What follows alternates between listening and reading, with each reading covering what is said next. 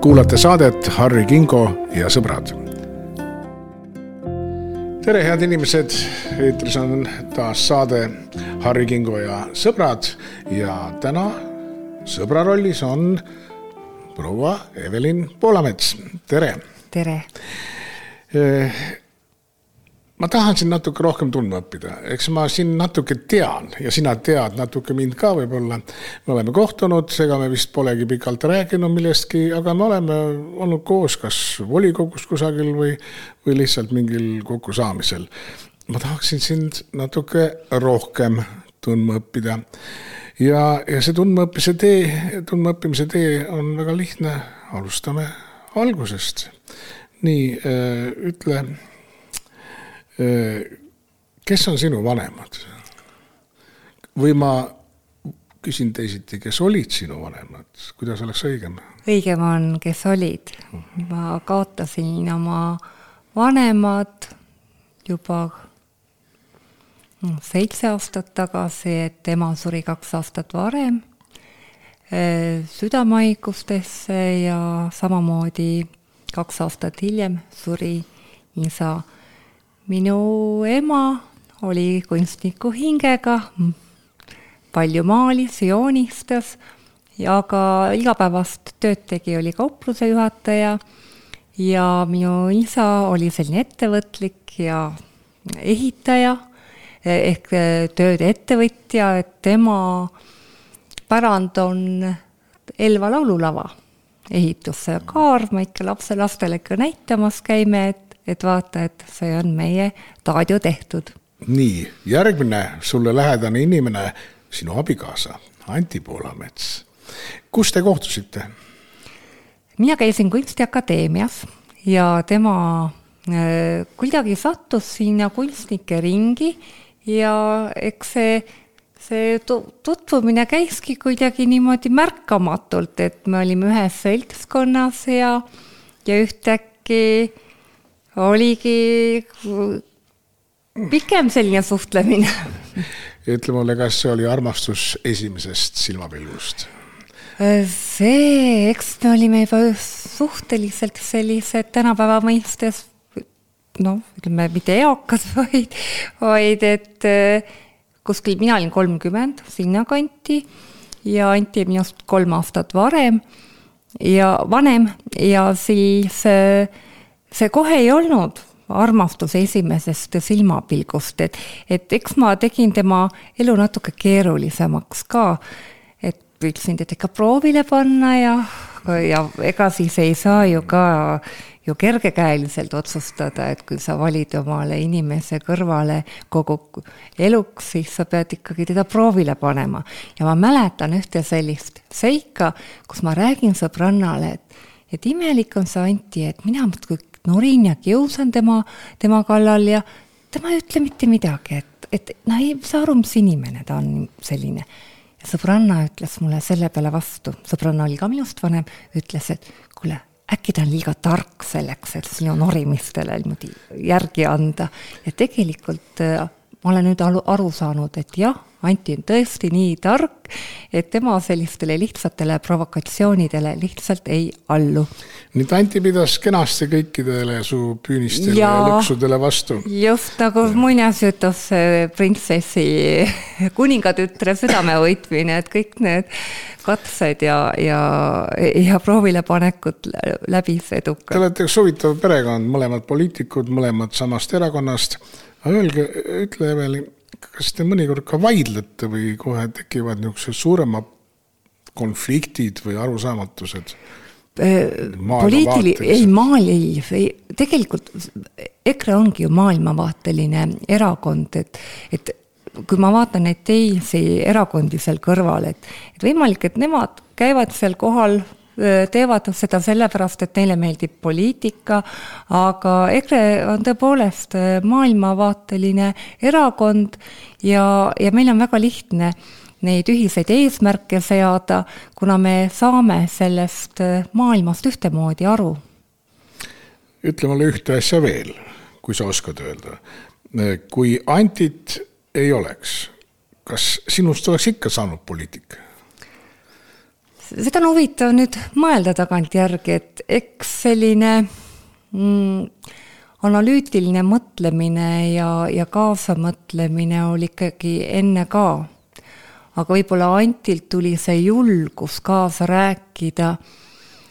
ma mäletan, et kahe tuhande kümnendal aastal oli äh, meil üks selline suurem kampaania, me, mida me koos nagu eest vedasime, oli Eesti krooni kaitsmine mina disainisin sinna kujundused ja, ja see oli selline päris laia kõlapinda leid-, leidnud kampaania ja ma sain Antilt nagu julguse, et tõepoolest, et sinu otsustest ja sinu tegevusest on võimalik äh, midagi muuta või sõltub. sest tihtipeale meile ju sisendatakse, et asjad siin maailmas käivad omasoodu ja, ja me ei, me ei saa sinna midagi parata aga Antilt ma sain selle julguse, et tõepoolest, kui sa ei ole millegagi rahul, siis lähed ja ütled välja, mitte ei vaiki maha. nii, me oleme nüüd Antit taga rääkinud päris pikalt ma loodan, et talle see meeldis. aga ütle mulle veel viimane küsimus Anti kohta. no sama palju on see küsimus ka sinu kohta muidugi. mis on Anti parim omadus? oh, nüüd saade saade vist lõpeb ennem ära, kui ma lõpetan aga esiteks Anti on hästi eriline inimene ja, ja ta on tõesti, no lisaks sellele, et ta on suurepärane abikaasa, ta on mu parim sõber.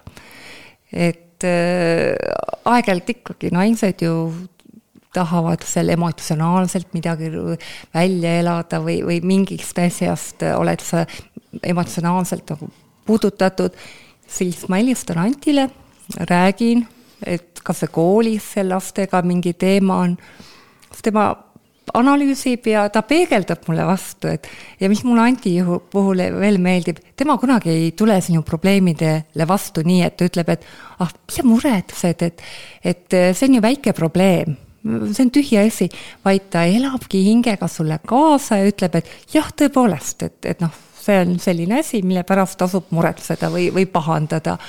aga, aga just selline mõistlikkus ja selline tarkus ja, ja mäletan ka vahest sõbrannadega on saadud noh, rääkida, et näed, et minu mees teeb niimoodi ja ja siis ma olen öelnud, et no Anti küll niimoodi ei tee, et siis öeldakse selle peale, ah, ta on sul hoopis teistsugune mees ju, ta on ju hoopis eriline mees.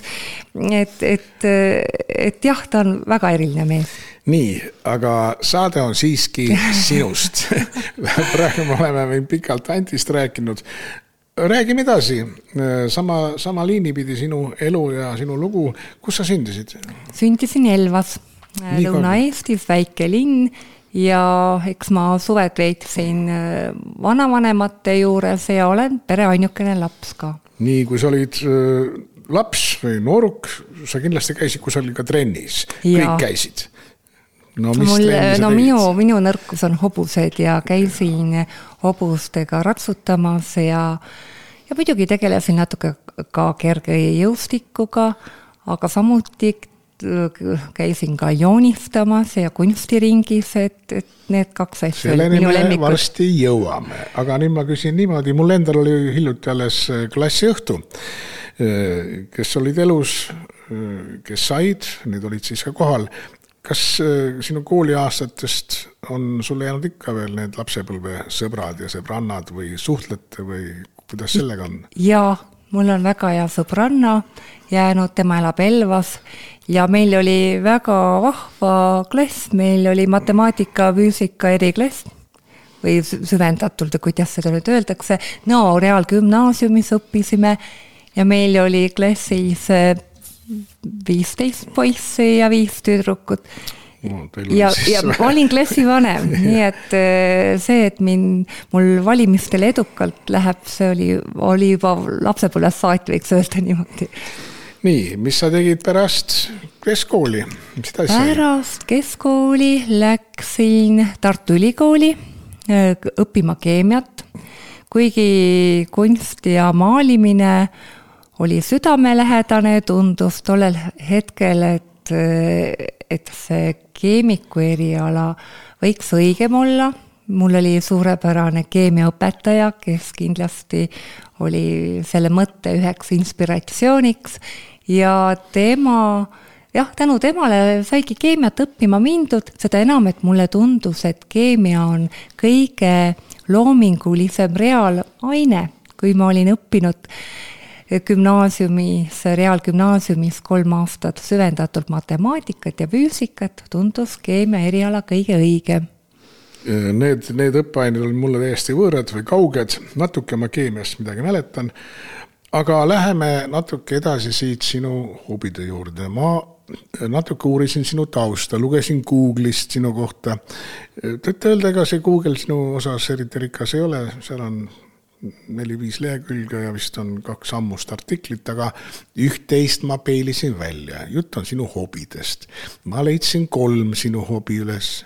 ühte sa nimetasid, hobused hobused. kuidas sa nendega kokku said või kuidas sa nendesse nii kiindusid oh,? see vist on jälle emalt, et eh, see vist käib ja see käib ka, mulle tundub vere kaudu, et kõik need, kes hobuseid armastavad, need enamasti ka räägivad sellest, et, et see armastus on tulnud kaasa lapsepõlve kodust ja, ja jah, tõepoolest väikse tüdrukuna ma unistasin hobustest ja ja käisin ratsutamas ja mängisin hobustega ja joonistasin hobuseid ja ja see oli jah, tõesti osa, osa minu, minu. teine sinu hobi, ma ei tea, kas ta saab hobiks nimetada, aga ma lugesin, et sa oled käinud ka missivõistlustel ja isegi saanud kunagi mingeid auhindu.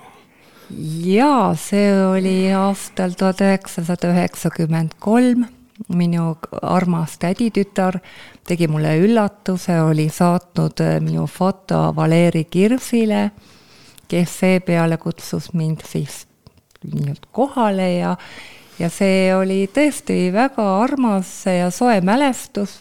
Seda, seda enam, et kui tänapäeva on see missi valimised ja, ja kõik äh, uue tähenduse saanud, on on selline noh, pigem feministide seisukohalt suur naiste alandamine, siis tollel ajal olid ikkagi Eesti missid meie rahvuslik uhkus ja ka eeskujud, et milline peab üks naisterahvas olema, et ta peab olema tark ja ilus ja kombekas ja kõik, kõik need head omadused. mul oli see õnn ja rõõm äh, olla esimesed viis aastat kui meil hakati Misse valima tänu Valeri Kirsile, olla selles žüriis, kes siis oma hääled andis.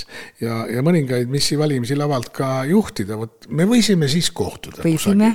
aga kahjuks ma ei mäleta, kas ma olin palju väiksem ka. Kuidas sa väiksem said olla? Jah, noorem võib-olla natuke. ja äh, nii, et mul on see Missi teema nagu südamelähedane, nii et mul on sellega üht-teist elus ühist olnud. Ja sinu kolmas hobi.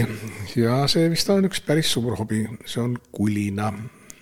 Ja see on tõesti selline loominguline teos, et täna ka enne siia saatesse tulekut sai veel üks ukseliist ära värvitud, et jah, see kuidagi juhtus nii, et me, me sinna kulinale jõudsime ja ja, ja see on tõesti suur hobi ja elustiil ja nii see on täiesti, see noh, see on nii suur asi, et seda on raske ka kirjeldada, aga, aga see mõte kunagi sinna kulinale minna sai innustus sellest, et tahaks lapsi kasvatada maal.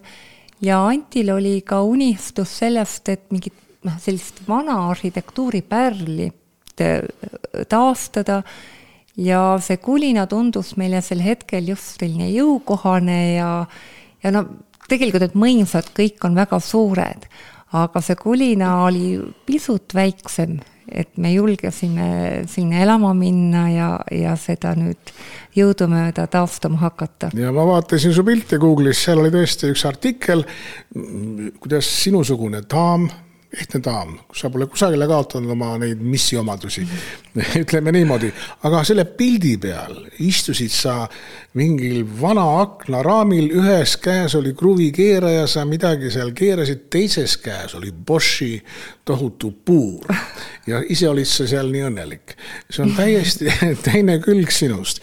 Kas sa oled selline kätega tegija inimene, jah? Sulle meeldib see, see ei ole raske? ei ole, ma täiesti šokeerin kõiki meeskülastajaid ja kõiki, kõiki naabreid ka sellega, et, et mulle meeldib ehitada ja tänapäeva elekter teeb võimalikuks ja tööriistad teevad võimalikuks selle, et, et naiste jõud käib ka ehitusel nagu noh, raskustele peale, et, et jah, ma ehitan, ma mõtlen välja ka isegi kui mul vahest on vajadus mõni töömees palgata, ma pean ka tema jaoks ju selle süsteemi välja mõtlema, et kui, mida ma tahan ja kuidas ma tahan.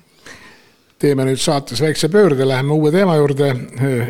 ma ei tea, kui pikk see teema tuleb, aga ütle mulle, oled sa usklik? oh, jah, siin on nüüd eh, ta traditsiooniliselt nagu vastatakse, et ja mõeldakse kristlust, aga selline vaimsus, vaimsus ja, ja midagi nagu jah, selles mõttes küll, et ma ei usu, et, et see elu, mida me siin igapäevaselt kogeme, et, et see ongi lõplik ja midagi muud siin ilmas ei olegi, vaid ma läbi unenägude ja läbi selliste teatud kogemuste ma pigem leian, et ma usun küll, jah et Jumal on ikka olemas, kuigi võib-olla sa kirikus ei käi, ei palveta õhtuti.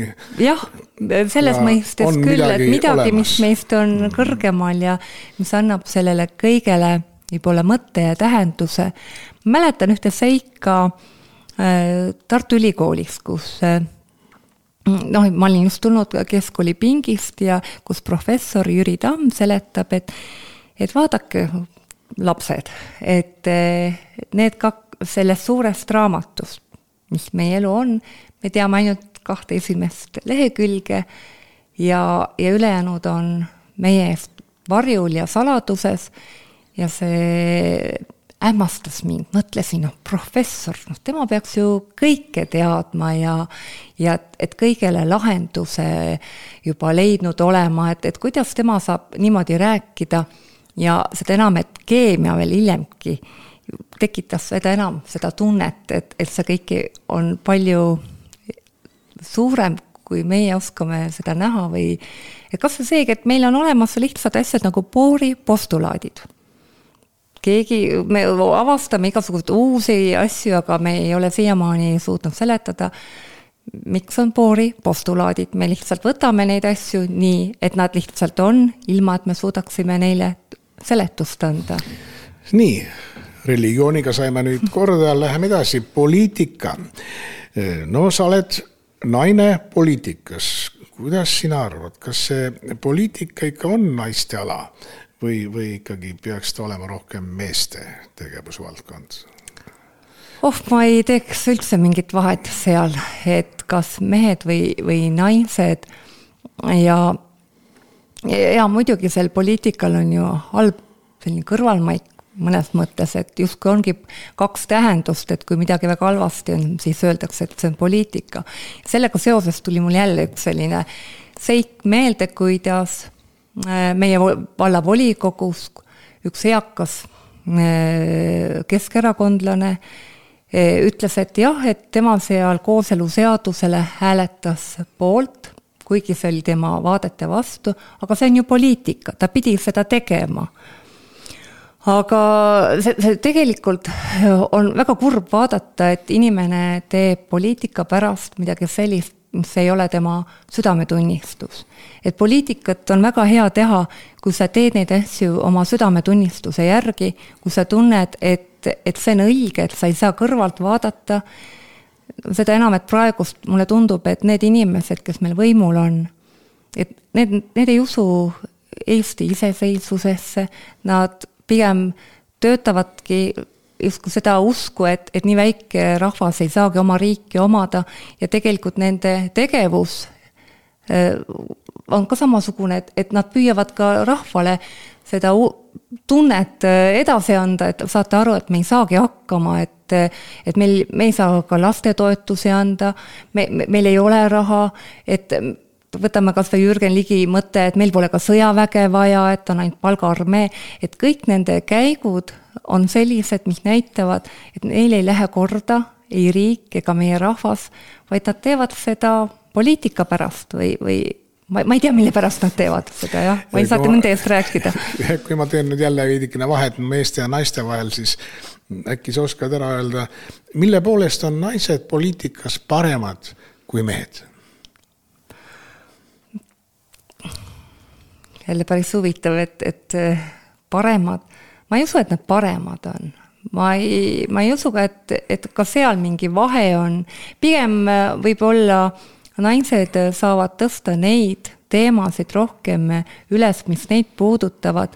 võtame kas või immigratsioon ja kas, et, et seesama näide, nagu Saksamaa näide, et kuidas massiimmigratsiooniga on tekitatud olukord, kus kannatajateks on ju naised, et neid ahistatakse, nei-, neil on nagu, nagu keerulisem tänu sellele, et on teisest kultuurist mehi väga palju riiki toodud ja samas ka praegune lastetoetuste teema, et kui Kaja Kallas tuleb rääkima, et lastetoetused teevad naisest beebimasina siis mehed ei saa öelda, et see, see ei ole nii.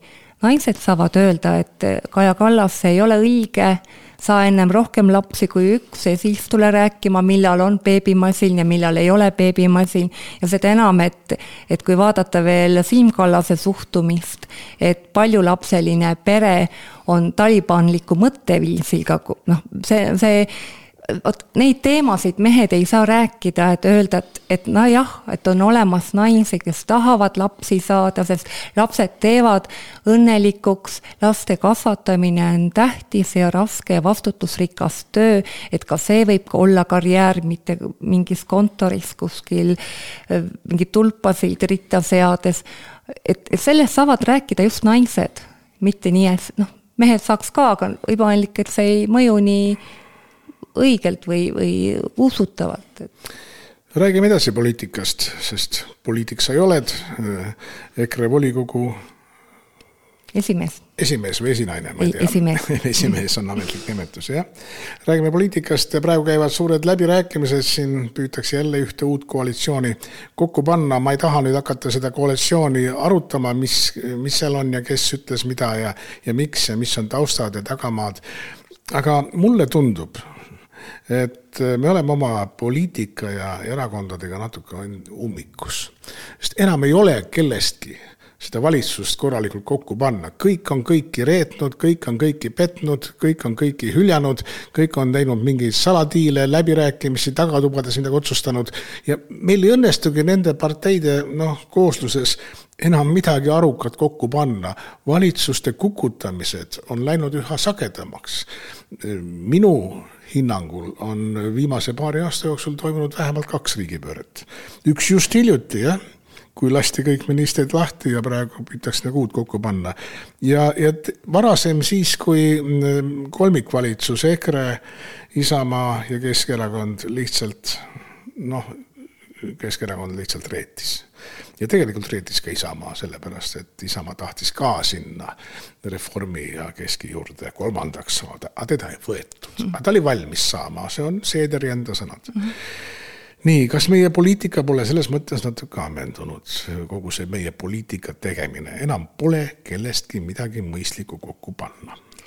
ei ta nii lootusetu ka ei ole, kuigi hästi kummaline võrdlus tuli mul meelde ka omavalitsuse tasandil, kui sa vaatad tervet seda omavalitsusvalimiste ajalugu, siis seal on veel eriti koomiline, et, et kõik inimesed, kes hetkel ka volikogudes on, et need on omavahel vahepeal koos mõnes valimisliidus kandideerinud, et põhimõtteliselt, kuigi vahepeal on need nimetused ja erakonnad muutunud, on esiplaanil ühed ja samad inimesed ja, ja isegi kui me nüüd ka mingeid ütleme, uusi erakondi looksime, noh, vaatame nüüd taustaks, see ikka needsamad inimesed, need Tsahknad ja, ja need samad äh, parempoolsed ja, ja aga, aga see teema, et aeg-ajalt on mõeldud, et noh, et kas teha nüüd erakorralised valimised, et see oleks ju Kaja Kallasele kasulik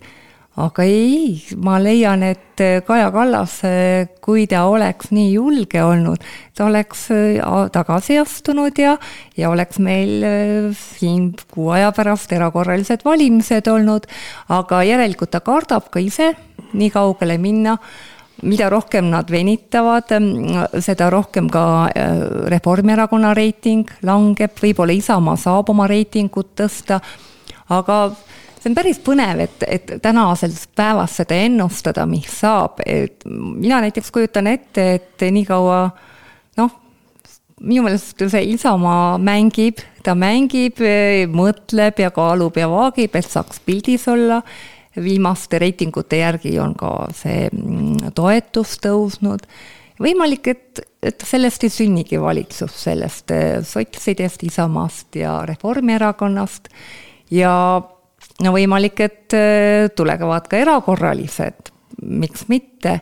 See jälle, et kellel siis rohkem seda sõnaõigust ja jõupositsiooni üle jääb, aga, aga jah, tavaliselt öeldakse, et inimene saab nii halb olla, kui, kui halb tal lastakse või nii laisk olla, kui laisk tal lastakse olla, et, et äh, kui meie valijad lubavad sellel toimuda, mis praegust toimub, eks see läheb jah, siis järelikult hullemaks, need hinnad meil muudkui tõusevad, elukallidus äh, läheb järjest suuremaks ja, ja me teame, mis selle tulemus on, see on seesama tulemus, kui Eestist läksid aastal kaks tuhat seitse sada tuhat inimest mujale maailma.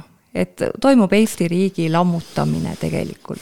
Ma ei, tahaks nii, ma ei tahaks nii kurval noodil meie saadet lõpetada ja minu saate selline viimane osa on üks mäng. oled sa nõus natuke mängima? jaa, tore. mäng on lihtne see on mäng sõnadega. mina ütlen sõna, aga sina ütled selle, mis sulle esimesena pähe tuleb, mis seos tekib. ja ära muretse üldse, sa ei saa eksida. võib-olla sul on mingi lugu, mingi mälestus, mingi unistus, ükskõik. see oled sina lihtsalt siis. Jah, ja ka sõnad on lihtsad. tuli. tuli. no minu jaoks on äh, tuli elu, lootus. ma mäletan kui me esimest korda Anti last ja lastega Kulinale jõudsime, see oli selline keskmine Eesti ilm, oli juba nädal aega vihma sadanud ja sombune ja need meie asjad olid seal suures eeskojas maas. mul õnnestus niisketest puudest saada ahju alla tuli. jah, seda rõõmu, see, see tuli andis lootust, et et, jaa, me elame selle talve üle kas või selle ahju ümber, aga see tuli põleb. et tuli on ellujäämine ja lootus. järgmine sõna, vaesus.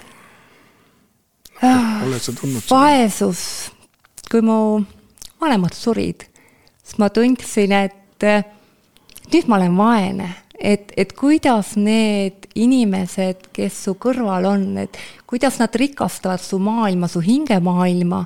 Ja kui nad kaovad, sa tunned nagu tõelist vaesust, vaesust, mida sa ei saa kunagi nagu korvata, et, et see, kui nad lähevad, su lähedased, siis see on nii lõplik ja see on nii õudne. Veel üks sõna, unistus. Oh,. Unistus, iga päev tuleb unistuste suunas liikuda, et ja mitte karta. see, see tegelikult, unistused panevadki meid tegutsema ja ja unistused ongi need, mis annavad meie elule mõtte. et unistav inimene on terve, õnnelik ja armastav. ja ilus, eks ole.